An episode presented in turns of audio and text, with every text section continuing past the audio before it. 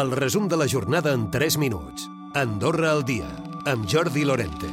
L'inflació segueix baixant, és una bona notícia. L'IPC avançat del mes de novembre se situa al 5%. Si es confirmés, esdevindria 6 dècimes menys amb respecte a l'octubre. Tot plegat, en part, produït perquè els carburants han baixat de preu.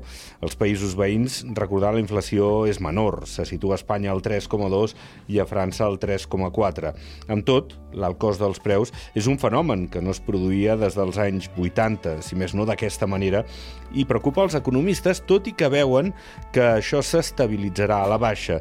En parla l'assessor financer, l'Enric Galí. Jo crec que la tendència serà la baixa. La tendència serà la baixa per un motiu. Una de les eines que hi ha per frenar aquesta inflació la tenen els bancs centrals a les seves mans, que ha sigut pujar els tipus d'interès, pujar els tipus d'interès.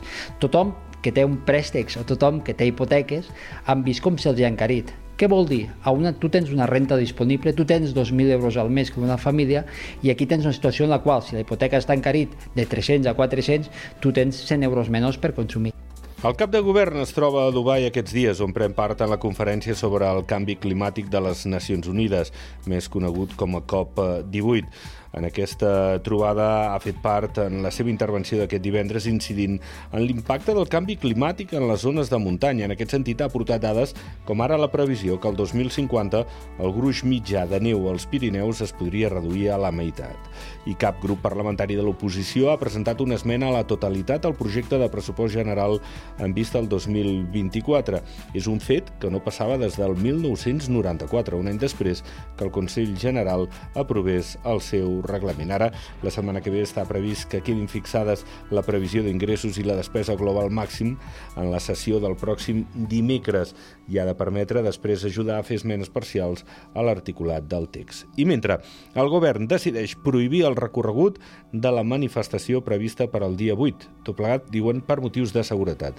Segons han informat, ho han fet considerant sobretot els informes de la policia de mobilitat i circulació.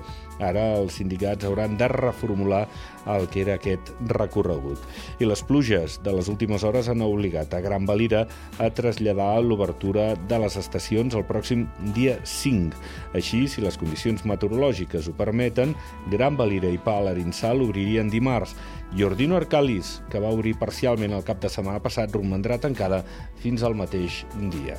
I expliquem, en el Dia Internacional contra la Sida, que a Andorra l'any passat se'n van detectar tres casos nous tres casos d'infecció pel virus VIH que han fet augmentar la xifra final a 113 casos diagnosticats des que es va arribar a activar aquest registre ara fa 19 anys, el 2004. D'aquest total de casos, el 10% s'havia desenvolupat ja en la sida. Recupera el resum de la jornada cada dia a AndorraDifusió.d i a les plataformes de podcast.